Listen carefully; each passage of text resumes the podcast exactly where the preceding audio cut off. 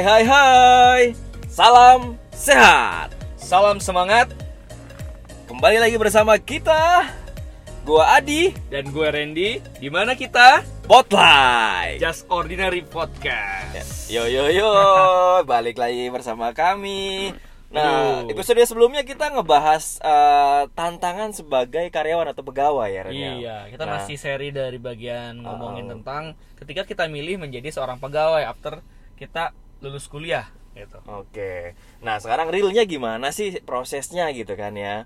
Em, Emang eh, gimana kalau kita mau kerja tuh apa sih biasanya yang harus dilakuin? Iya. Nah dari sisi lu gimana nih Ren? Eh, Kalau di BUMN Ren? Nah, jadi mungkin eh, secara overall dulu ya, namanya abis lulus kerja dapat pekerjaan apa? Ya itu adalah ikut proses rekrutmen. Rekrutmen. Makanya hari ini kita mungkin akan ngomongin tentang rekrutmen, baik tadi kalau Kang Adi mention di tempat gue di BUMN, mungkin ataupun di tempat swasta di tempat Kang Adi, Mm-mm. ataupun di eh, beberapa eh, tempat lainnya, gitu ya nggak sih? Oke benar Nah, nyambung tadi pertanyaan Kang Adi tentang gimana di BUMN. Kalau di gua kan gua kerja di perbankan ya. Dan ini versi ketika gua kerja di eh sorry, ketika gua rekrutmen kurang lebih tujuh tahun yang lalu karena gua sampai sekarang sih masih kerja di perusahaan yang sama gitu. Jadi dulu sih gua agak sedikit eh, panjang ya kebetulan. Memang kenapa? Karena panjang karena kalau di perbankan biasanya ada dua eh, metode. Metodenya yaitu pertama ada ya MT ya, MT dan non MT. Nah, kalau gue adalah MT, tapi MT-nya atau ODP ya, Officer MT itu manajemen trainee ya? manajemen trainee. Hmm, Atau apa kalau di bank bank Kalau di bank itu ODP. ODP atau terkenalnya. MDP ya Ah, kalau M- MDP kan manajemen development program. Kalau Hmm. di gua officer development program. Nah, Oke. kalau gua waktu dulu ikut namanya ERP. Ada Apa lagi itu Apa early recruitment itu? program. Apa? Early? Early recruitment program. Oke. Simpelnya sih di Ijon karena gua ikut seleksi itu di semester 7. Jadi belum lulus sudah suruh kerja. Apa sorry, Oh. seleksi di mana kalau lulus itu bisa eh, join di Langsung. perusahaan gue yang sekarang yaitu gue di Bank Negara Indonesia atau BNI. Prosesnya sih ya lumayan panjang. Berapa lama tuh Ren biasanya Ren? apanya prosesnya atau apanya nih? Ah, prosesnya, Oh, prosesnya. lumayan panjang karena ya gitu deh, hilang-hilang karena mungkin eh, kalau nggak salah tadi ERP itu sendiri kan dia ro- ro- prosesnya tuh beberapa kampus, kalau nggak salah 5 atau 7 kampus Hmm. gitu. Oh jadi negeri. eh, BNI datang ke kampus-kampus Betul, jadi gue nggak pernah eh, tesnya tuh nggak keluar kampus di kampus semua gitu. Hmm. Waktu itu tesnya itu ada tes apa ya ya tentunya pertama waktu itu IPK. Kalau gue sih IPK gue nggak gede-gede amat, tapi karena temen-temen gue yang pinter-pinter itu lagi uh, skripsi di luar daerah, jadinya mau nggak mau yang nggak pinter-pinter kayak gue ini yang ikutan proses. Ah, Nah, merendah itu mah. Habis gitu tesnya apa? Tesnya itu adalah tes pertama tes eh, apa ya tertulis tertulis seperti apa tadi psikotes, Psikotes ya. tes Pauli, tes Pauli itu yang koran yang Koran gitu-gitu. yang ngitung-ngitung ya, Itu- logik. Itu untuk ngukur ke logik kita Logika apa, dan ya. daya tahan kita kalau nggak salah. Oh, daya tahan dan logika ya Betul. katanya. Nah setelah itu kita ada tes bahasa Inggris. Tes bahasa Oh. Inggris itu waktu gua itu TOEFL.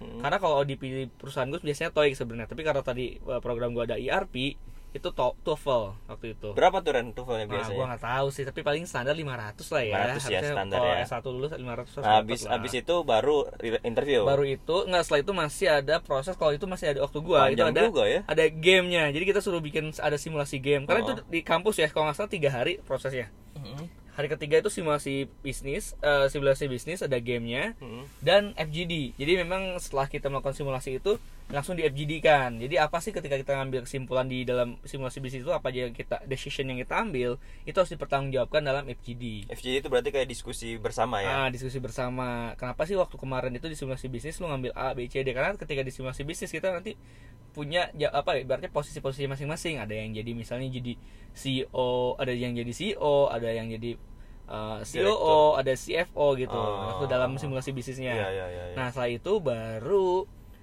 setelah lolos dari situ baru ada tes interview. Mm-mm. Nah, habis interview tes kesehatan. Oh, interview baru sekali.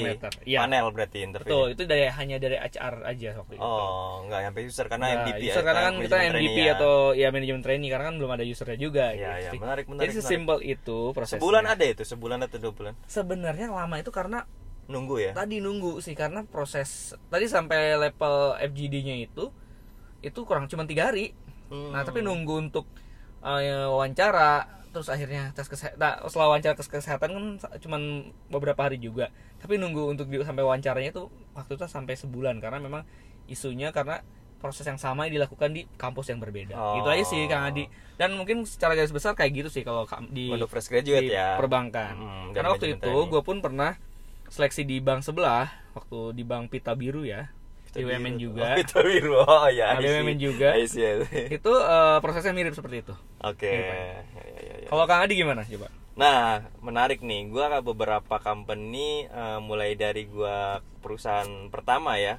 Itu di salah satu perusahaan lokal FMCG juga, ya kita sebut Indofood. Waktu itu di manufaktur, prosesnya mirip-mirip Ren. Eh, tapi nggak nggak sampai FGD kalau di manufaktur kan, karena nyarinya supervisor lebih ke administrasi, CV masuk, kemudian eh, ada tes psikotes juga tuh Pauli segala macam Um, terus kemudian karakter ya personality ya Betul. di situ ya di dalam habis lolos baru interview ke HR dan user waktu itu langsung nah kebetulan Oke, oke. relate sama beasiswa KSE juga Bisma Mhm. waktu itu Indo, beasiswa sukses uh, Indofood Sukses Makmur ya Ya. Jadi di- agak dipermudah masuk Oh. Indofood maksudnya ada kayak golden ticket lah ya Mungkin lebih ada golden ticket Ada ya. golden bukan ticket ya. bukan spesial kan Bukan. tapi dipermudah eh sama aja ya. jadi direkomendasikan tapi ikut proses Direkomendasikan. standar Iya, betul. Nah, habis dari HR langsung aja sih waktu itu Eh, nggak lama masuk jadi di eh, interview HR user udah langsung masuk Hmm, kontrak oke. atau eh, medical test. Ya oke. Itu pengalaman ketika di Indofood. Oh. Coba di perusahaan lainnya gimana? Nah kalau masuk manajemen trainee ada FGD juga tuh Ren. Oke. Prosesnya mirip, eh, tapi rekrutmen nggak di kampus. Kita waktu Hmm. itu kan dipanggil aja eh, interview dengan HR dan eh, user langsung waktu itu usernya itu eh, top manajemen lah, top manager yang memang dimandatorikan untuk ngelola manajemen trainee. Jadi mentor-mentornya gitu ya. Kita di panel HR, kemudian user ada dua dua Hmm. orang kalau nggak salah. Habis proses itu eh, FGD. FGD. FGD ini sama LT eh, level-level head lah level-level Hmm. Memimpin senior divisi mungkin ya. ya pemimpin divisi atau LT itu bahasanya leadership leadership team lah ya Oh. Ah, oke. leadership team, kayak head headnya head sales head eh, marketing gitu gitu nah kita panel tuh eh, FGD diskusi beberapa orang habis FGD eh, medical check up baru masuk Oke. Ah, ah. nah beda lagi pada saat Ah. udah nggak fresh graduate nah itu mungkin kita topiknya Nah, berbeda lah ya ketika medical check up itu udah hampir pasti diterima ya? Ya, sebenarnya? 90% eh, harusnya udah diterima ya. Berarti tinggal Karena nunggu offering aja Kecuali ya. kita punya penyakit yang fatal yang memang Ah. nggak cocok dengan company bisa jadi fail kan. Oke, oke. Ah, untuk fresh graduate itu sih eh, garis besarnya ya mungkin ya. Nah, untuk lebih valid lagi dan lebih dapat point of view dari HR nih mungkin Ren. Kita hari ini ada inspirasi call ya. Ah, setuju banget. Karena kan Ah. tadi baru ngomong, baru cerita terkait dengan view kita sebagai kita pegawai nih, sebagai- pegawai teknis gitu, Iya. yang tidak dari sisi HR. Mungkin setuju banget dengan yang disampaikan. Mungkin kita akan coba telepon salah satu Teman eh, kita ya. teman kita ya, betul, ah, ah, ah. yang memiliki pengalaman terkait dengan hal itu. Ah, ah, di HR ya. Walaupun memang sekarang dia udah move ke marketing karena aspirasinya dari waktu di HR beberapa lama, beberapa Hmm. tahun gitu. Kemudian move sekarang Oh. baru-baru ke marketing baru 6 Itu bagian dari penggayaan ya. Iya, jadi apa namanya? development ya. Oke deh. Dan tapi uh, overall beliau udah pengalaman marang melintang lah di HR ya. Ya, oke deh. Dan dan kita bisa gali lagi point of view-nya gimana nih proses rekrutmen nih uh, secara umum ya. Oke, yuk kita telepon aja langsung. Oke, kita call Ren. Namanya uh, Nuri ya. Oh, Nuri, Nuri. Handayani. Nuri Handayani, Uh, oke. Beliau kerja di salah satu uh, FMCG juga. uh, kosmetik terutama kosmetik salah satu kosmetik terbesar di Indonesia ya. Oke. Kosmetik. Kita telepon aja langsung ya, biar cepet deh kita denger apa sih pendapat dari seorang HR. Oke, kita call Ren.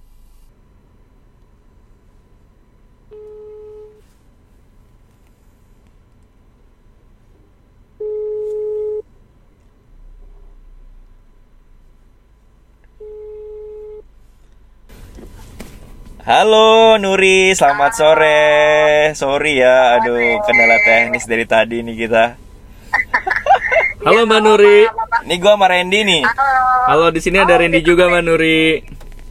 Halo Randy, Apa kabar? baik baik baik, alhamdulillah. Masih ini ya pengantin baru ya. Ah, Udah lama. Udah lama ya? udah lama, udah dua bulan ya. Alhamdulillah, Alhamdulillah. Semoga alhamdulillah. sakinah mawadah warohmah ya. Amin, amin, amin. Mbak Nuri langsung aja nih Mbak Nuri. Takutnya ganggu waktunya nih. Kita mau langsung aja mau tanya-tanya boleh nggak? Boleh dong, santai Iya. kok. Aku lagi nonton menikmati weekend. Asik. Nonton Netflix nih kayaknya. Drama Korea iya nih. dong. Yo, Enggak, enggak, iya. enggak, enggak, enggak. Mungkin eh, gini sih Mbak Nuri, kami kan lagi ngobrolin tentang proses rekrutmen nih. Kami kan selama ini sebagai pegawai taunya ikut prosesnya aja. Nah mungkin sekarang kita pengen di sharing terkait dengan tips dan triknya eh, dari sisi HR gimana sih prosesnya gitu. Umumnya mungkin yang memang dilakukan di perusahaan Mbak Nuri gitu. Ya, dari point of view-nya HR, dari prosesnya eh, mulai dari rekrutmen sampai interview ataupun mungkin ada FGD gitu ya. Eh, mungkin bisa sharing lah sedikit dari point of view-nya Nuri nih. Silakan. Ah, Oke, oke, oke. Jadi aku kan ke, sekarang kerja di perusahaan FMCG ya, gitu. Kalau di menurut aku untuk rekrutmen sendiri eh, prosesnya sendiri kalau di kantor aku emang nggak ada FGD, jadi kita ada psikotes sama um, interview gitu. Interviewnya emang ada beberapa tahap sih. Mm-mm. jadi kita memang sangat komprehensif lah melihatnya gitu.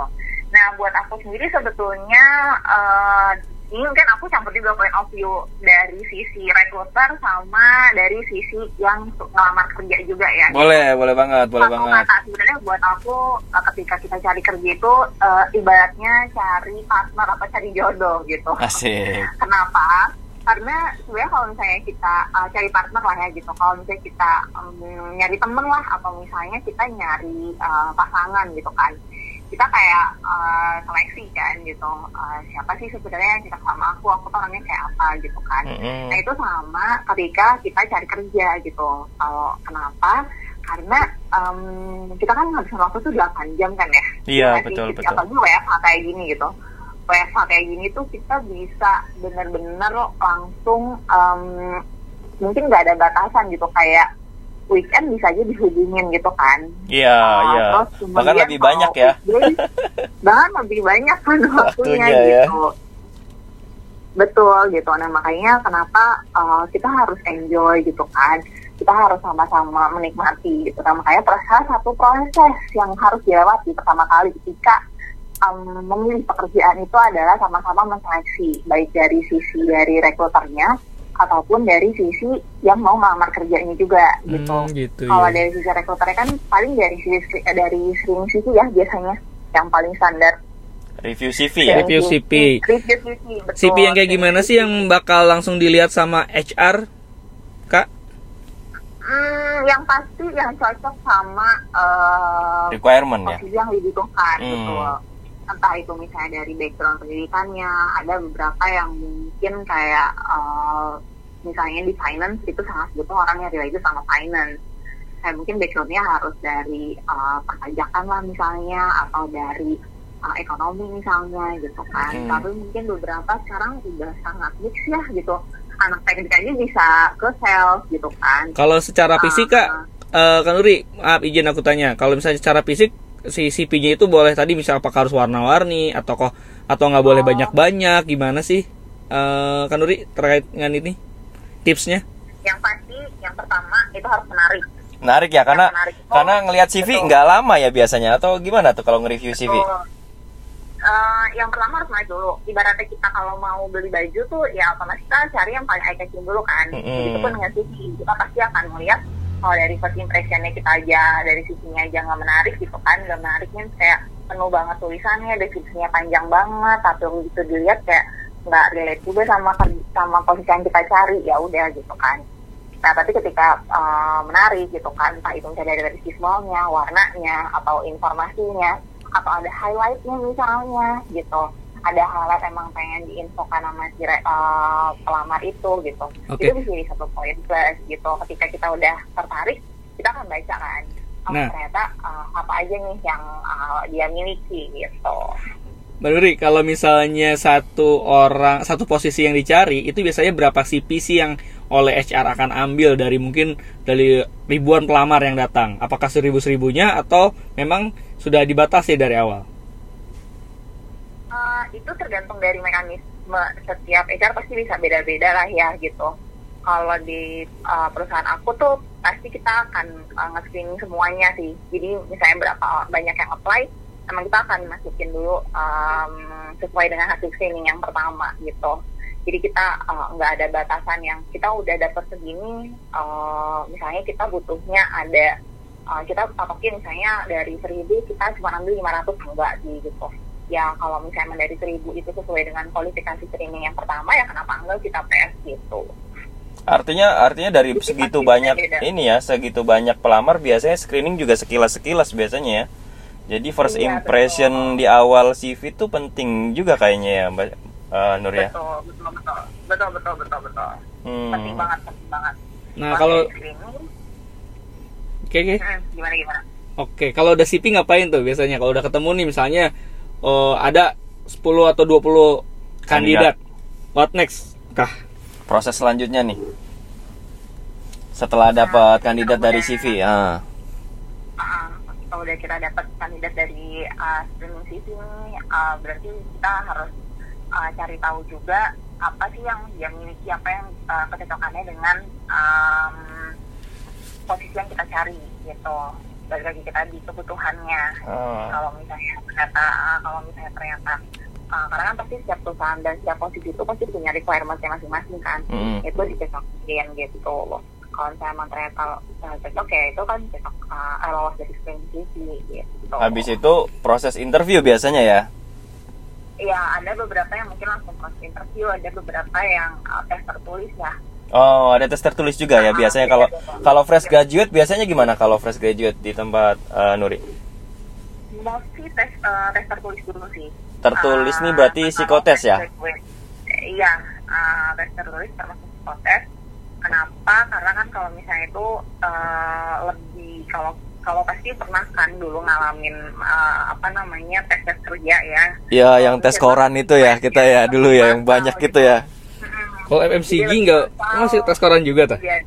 Ada Kenapa? di di Novit Enggak, ada. kalau saya kan kerjanya background saya di kerja di ke finance eh, tes Di koran pasti lah. Tes Pauli pasti, tapi kalau di Pauli ya, Pauli ya eh, namanya. FMCG saya baru tahu masih ada juga ya itu tes koran. Iya, oh, pasti, eh, iya, iya, pasti, pasti di HR pasti punya eh, pertimbangan lah kenapa tes tes itu yang dipilih, tes itu yang dipakai Mm-mm, gitu. Mm-mm. Gitu. Bisa tes tertulis dulu kan tes tertulis kan masal ya, jadi bisa eh, nyaring gitu. Nah setelah dari saringan tes tertulis, Mm-mm. biasanya kita interview, interview baru tentukan one on one gitu. Nah, biasanya berapa tahap tuh eh, Nuri kalau interview kalau untuk yang fresh graduate di tempat Nuri ini? kalau di aku tuh nggak terlalu banyak sih ya tes tertulisnya biasanya dua kali sih Dua Um, kali. jadi ah, dua kali tes tertulis ah, seleksi pertama terus pengumumannya juga nggak terlalu lama terus ah, next ah, selanjutnya ah, dua kali tes tertulis baru langsung interview Interview eh, langsung dengan HR apa eh, langsung dengan user atau gimana tuh biasanya? itu tergantung dari eh, bisa dari sama HR dulu HR dulu ya biasanya ya. Tahap pertama ya. sama HR dulu betul Nah, ada tips nggak sih buat eh, warga pelita kita ini eh, untuk menghadapi interview nih, interview dengan HR-nya. Point of view-nya Nuri gimana nih menurut Nuri? Interview kalau interview itu sebenarnya kuncinya cuma satu sih Ah, menarik nih, ada kunci satu nih. Apa ini? Apa ini? just kalau menurut aku sih kalau menurut aku dan uh, beberapa recruiter kita juga tuh just be yourself aja sih gitu Just be yourself ya. Kenapa? Iya benar-benar kayak kan suka ada ya kalau misalnya kayak kalau kita cari-cari googling tuh kalau misalnya ditanya kayak gini jawabnya apa kalau ditanya kayak gini harusnya jawabnya kayak gini gitu kan Iya, iya. nah itu kan malah jadi sebenarnya mm, nggak jadi diri kita sendiri gitu karena interview itu kan kita pengen melihat sebenarnya dia cocok atau enggak sih di perusahaan kita. Dan kita cocok tadi sama kamu gitu. Kan ketika misalnya dia uh, menutup nutupi gitu uh, kita akan memperlihat melihatnya berbeda kan. Dan ketika nanti di tempat kerja dia akan cukup struggling dengan hal itu gitu. Karena waktu interviewnya nggak nggak honest gitu. Nggak nggak terbuka gitu. Enggak, enggak, Iya. enggak sesuai dengan Berarti harus buka-bukaan ya? Hmm, buka-bukaan. Iya, Iya, benar. Buka-bukaan Buka-bukaan jujur lah intinya jujur lah ya, be Jujur yourself ya. Jangan buka yang lain Mas tadi. Iya, iya, be yourself ya. Be yourself dan memang kalau interview gini berarti memang kecocokan penting sekali ya Nur ya. penting banget penting Uh, uh, banget kayak memilih apa tadi pasangan ya. pasangan Relate banget sih sama Nuri nih yang habis uh, Berarti baru- kemarin ya, waktu baru. nikah yang kemarin pakai itu juga psikotes juga tuh. enggak enggak enggak. Oh. Ah, ya. enggak ya pakai Oh, pitching enggak. ya apa FPGD tidak vice versa tidak tidak, tidak seperti itu Oke. Nextnya setelah interview dengan HR apa em, Mbak Duri yang dilakukan tahapannya? Hmm, kalau interview sama HR itu biasanya kan eh, ini ya interview itu biasanya ada interview sama HR sama tadi eh, interview sama user Atau ya user, kalau user, interview ah. sama HR itu sebetulnya eh, akan overall melihat kecocokannya sama perusahaannya itu sendiri Mm-mm. gitu jadi em, kan pasti setiap perusahaan pasti punya budaya ya gitu. Punya punya value juga ya. Betul punya value gitu. Nah di situlah digali gitu. Sama kamu satu value nggak sih sama kita gitu. Ya ibaratnya kayak temenan aja kan kalau misalnya nggak satu value suka ada banyak miskomunikasi suka Iya, ada iya. banyak problem. Ketika ada problem nggak bisa ngatasinnya stres lah gitu kan. Mm-mm. konflik gitu kan. Nah sebenarnya konflik juga oke sih gitu. Cuman uh, ketika dia nggak bisa come up atau nggak bisa solve the problemnya kan jadi um, apa ya sama-sama pusing dan sama-sama struggling gitu itu sih jadi HR akan melihat itu Berarti dari sisi HR ini lebih kepada bagaimana menggali mereka uh, fit atau enggak dengan uh, culture dan value company lebih ke sana ya. Uh, Betul, mungkin betul. kalau tek- technical atau kecocokan dengan bidangnya masing-masing mungkin ke user biasanya User. ya, lebih spesifik Next-nya ya. ya, next stepnya. Ya betul. Nah paling dari HR tuh biasanya suka ada mungkin beberapa teman-teman yang dialihkan nah, dari interview HR tuh suka ditawarin, kamu Oh. mau nggak kamu posisi ini gitu Oh, kan? posisi yang berbeda. Nah, biasanya dari Da- Ah, dari yang di apply ya, dari yang di dari yang mereka daftar ya. Iya betul. Oh. Karena HR itu kan dia tahu mm, all position ya gitu. Dia tahu karakteristik dari uh, orang finance misalnya, orang marketing, orang sales tuh beda kan gitu.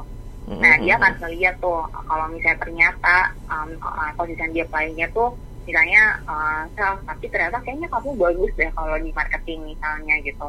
Dan akan explore nanti mungkin beberapa uh, dialah, diarahkan atau diberikan opsi lain kayak gitu. Oke, oke. Jadi HR akan melihat secara komprehensif. Oke, berarti kalau nanti after lolos dari HR, langsung baru ketemu user ya biasanya ya gitu ya. Ya, ya, ya, betul. Ah, Nah, ya, ya. dengan user nih biasanya apa nih kira-kira yang perlu dipersiapkan biasanya eh, dari sisi eh, fresh graduate yang lagi proses gitu ya, yang udah tahap ke user gitu ya. Tadi kan eh, dengan HR lebih lebih kepada ya be yourself aja, terus kemudian lebih ke menggali eh, fit nggak sih dengan eh, company gitu kan. Kalau dari ke user gimana? Lebih ke lebih ke apa, Nuri?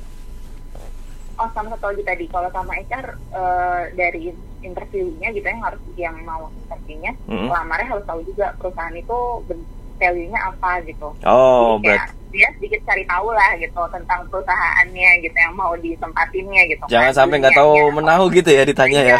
Perusahaannya apa ya kan? Betul, betul. Gitu. Ya at least lihat Nah, webnya kalau- gitu ya. Eh betul. Kalau misalnya mau nanya-nanya sama teman-teman yang udah kerja di sana duluan boleh atau seniornya kadang-kadang. Oh ya benar-benar Kalau juga ya, benar juga ya. Itu Ah, salah ah, ah. satu. Hmm, supaya dia juga dapat gambaran oh ternyata kerja di sana tuh kayak gini gitu. Oke, noted, noted. Nah, kalau bicara tentang interview user, otomatis itu biasanya langsung ke technical sih. Um, biasanya user itu menanyakan hal-hal yang uh, cukup relate dengan uh, divisinya gitu. Yang langsung benar-benar ke divisinya kayak misalnya uh, mungkin pengalamannya dia waktu kuliah kalau misalnya paling mungkin yang paling relate tuh kayak misalnya kerjanya sangat teknikal. Ya tadi misalnya finance gitu kan. Mm-mm. finance uh, benar-benar ditanya mungkin uh, dia punya uh, skill apa atau dia punya sertifikasi apa gitu yang bisa bantu di sini gitu kan. Hmm, hmm, dan lain-lain uh, gitu. Itu mungkin akan sangat ditanya gitu. Pengalamannya terus kemudian skillnya lalu kemudian um, biasanya suka ada juga yang nanya bahkan tesisnya atau skripsinya gitu. Tentang apa skripsinya gitu. Skripsi ya, skripsi ya. betul Mungkin mencari ke related dengan pekerjaan yang tuju gitu ya. Iya, gitu. Kadang suka ada juga yang nanya skripsi kamu tentang apa gitu. Kalau misalnya sangat relate dengan pekerjaan yang di eh, apa namanya di apply gitu. Terus biasanya pengalaman magang juga bisa ditanya gitu. Experience-nya seperti apa. Hmm, hmm. Kayak gitu Eh. sih kalau misalnya sama user udah sangat spesifik gitu.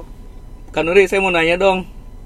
Gimana caranya user ataupun HR melihat ke kandidat yang ternyata terlalu bluffing gitu? Terlalu- mungkin wah terlalu wah gitu deh Terlalu dari hiperbolis HP-nya atau gitu pas ya. saat diwawancara pun kayaknya hiperbolis gitu Oh, iya iya iya. Eh sebenarnya tuh kalau misalnya komunikasi itu kan bukan hanya komunikasi dari verbal ya. Mm, mm, mm, mm. Bisa ah, ah, gitu. Kita juga melihat komunikasi non verbalnya. Jadi ketika dia cara untuk menyampaikannya gitu. Terus Hmm, HR pun akan melihat secara komprehensif karena kan tes itu banyak rangkaiannya. Nah nanti itu eh, nggak akan hasilnya tuh nggak akan satu-satu gitu, tapi tes semua tes itu akan lihat secara satu kesatuan. Jadi bagaimana kaitan antara satu tes dengan tes yang lain. Jadi misalnya kalau dia hasil misalnya hasil uh, psikotes gitu kan, mm, mm. hasil psikotesnya memperlihatkan ABC, tapi ternyata nggak sama kayak waktu hasil interviewnya Hmm. gitu jadi konsistensinya yang dilihat ya Iya betul. Sama Jadi biasanya ini kali ya. gitu eh, background-nya. ini gak sih ngaruh nggak kalau eh, dia juga eh, HR tuh eh, ngelihat juga di sosmednya atau apa atau di nah itu penting nggak sih sosmednya mereka gitu mereka buat referensi Iya, gitu iya, kadang kadang ini gak sih Iya, curhat iya, iya. stalking gak sih Kalau untuk zaman sekarang, ya. Zaman Eh, sekarang iya, kita ya. kadang suka ada juga di beberapa media sosial. Gitu kan kelihatan ya, misalnya kayak let's say kita lagi nyari anak PR, ya otomatis kita nggak bisa dong cari eh, yang media sosialnya isinya eh, misalnya lukisan semua gitu kan.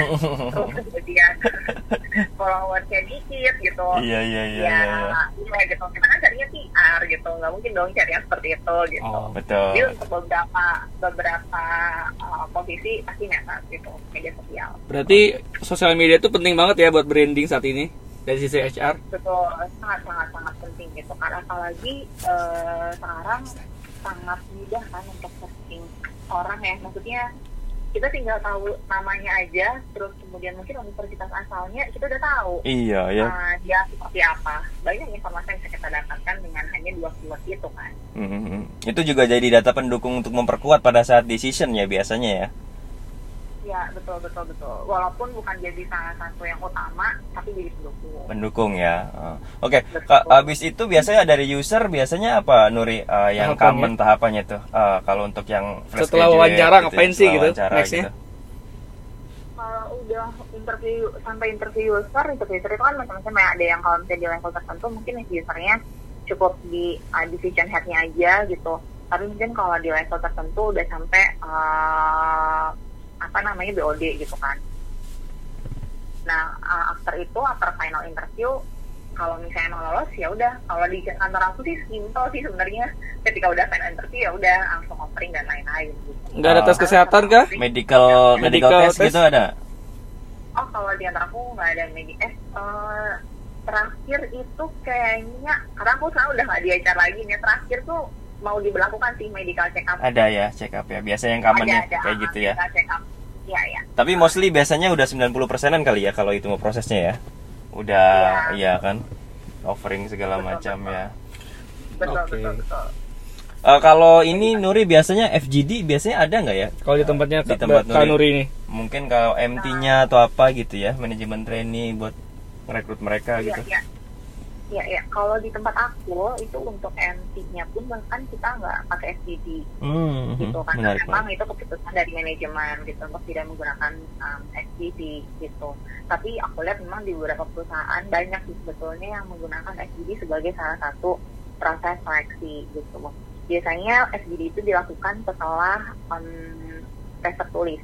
Hmm, biasanya. hmm, hmm, hmm. karena uh, itu hampir sama lah kayak uh, interview kan gitu. Hmm. karena SPD itu um, karena kita juga ngelakuin SPD tapi untuk hal lain ya bukan untuk rekrutmen gitu. Hmm, tapi untuk um, keperluan internal SPD itu biasanya digunakan untuk melihat bagaimana sih sebenarnya cara dia untuk um, menyampaikan pendapat terus bagaimana cara berpikirnya dia gitu.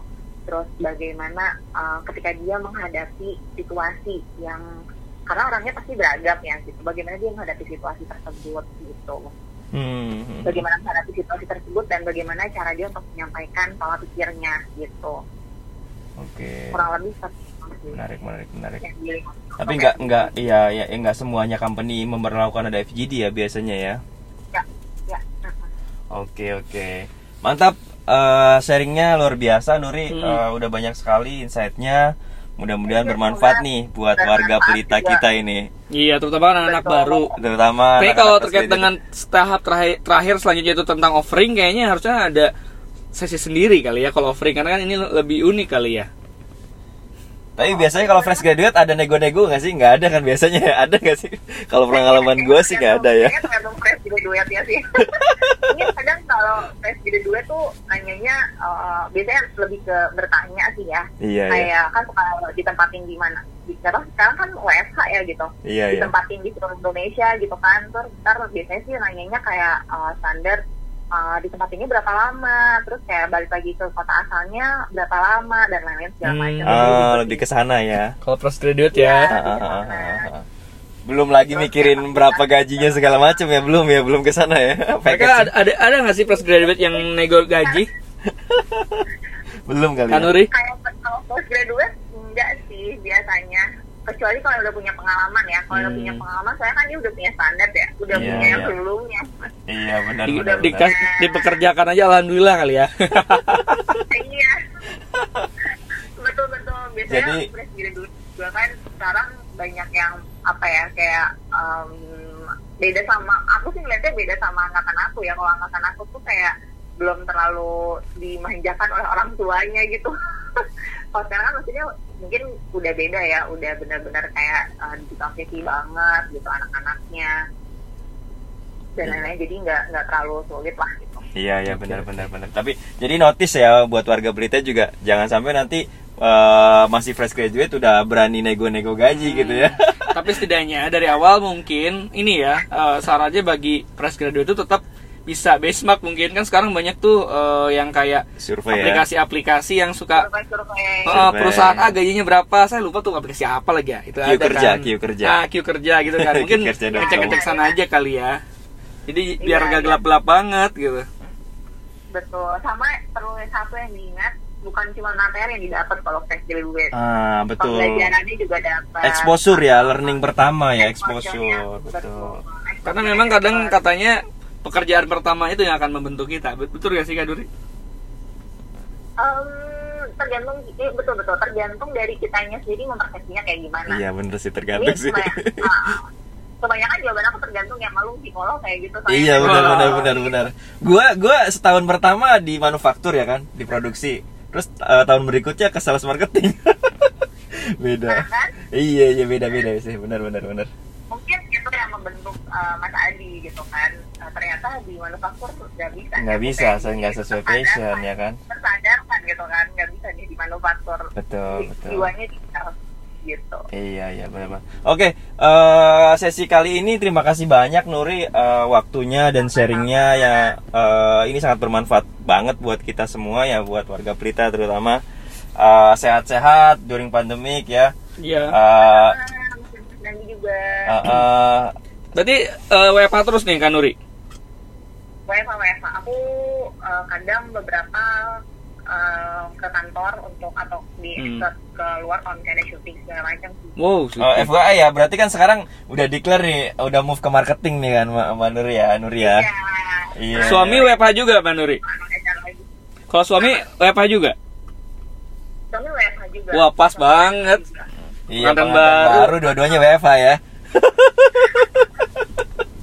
Mudah-mudahan segera ya, Nur ya. Sema- segera promosi ke jabatan yang lebih tinggi lagi. Iya, segera promosi. Segera memiliki keluarga yang lebih sakinah mawaddah warahmah. Eh, menambah anggota keluarga ya kan. Mudah-mudahan nanti next time kita bisa ketemu langsung ya untuk eh, ngobrol-ngobrol kayak gini ya. Sekarang sementara inspirasi call dulu lewat call walaupun memang teknisnya tadi agak ribet juga dan akhirnya ketemu juga nih pakai by phone aja akhirnya manual juga nih. Iya. Iya, alhamdulillah ya. Eh, thank you banget eh, Nuri. Eh, see ya. Eh, salam buat keluarga ya. Bye. Bye ya sore. Bye. Oke, eh, tadi kita sudah banyak mendengar dan saya dapat eh, insight banyak, learning banyak dari eh, rekan kita Nuri ya. Eh, dari sisi point of view HR ya Ren ya. Iya betul. Uh, dari mulai proses awal sampai juga uh, proses akhir di interview dan Sampai rekrutmen offering letter tadi offering ya. letter tadi ya dan dari sisi HR saya rasanya cukup ya dari sisi point of view karyawan juga kita sedikit sharing tadi tapi ya gimana gini kan dari versi kita ya versi kita dan Betul. teman kita sebagai HR tapi uh, disclaimernya gimana Ren? Ya, disclaimer dari kami adalah mungkin ini pengalaman kami yang tentu kadang-kadang bisa jadi berbeda di perusahaan lain. Ya. Apalagi mungkin ada perusahaan-perusahaan yang memiliki metode terbaru karena kan namanya ilmu pengetahuan itu sangat cepat berubah.